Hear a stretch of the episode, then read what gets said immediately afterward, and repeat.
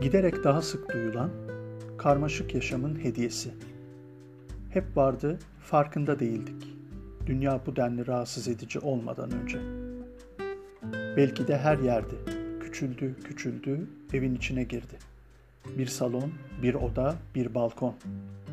Hala işini, uzaktaki yazlığını, tarlasını, ofisini, konfor alanı gören varsa da son demleri.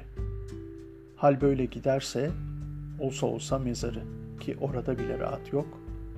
Yıllar sonra açılan, ortaya saçılan kafa tasları, teste tabi tutulan DNA'ları durumun kanıtları.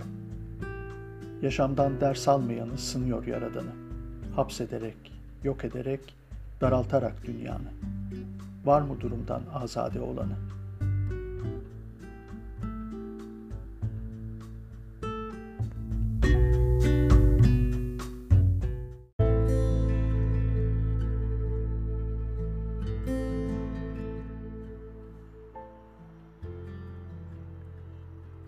Gücüm yetene kadar varım.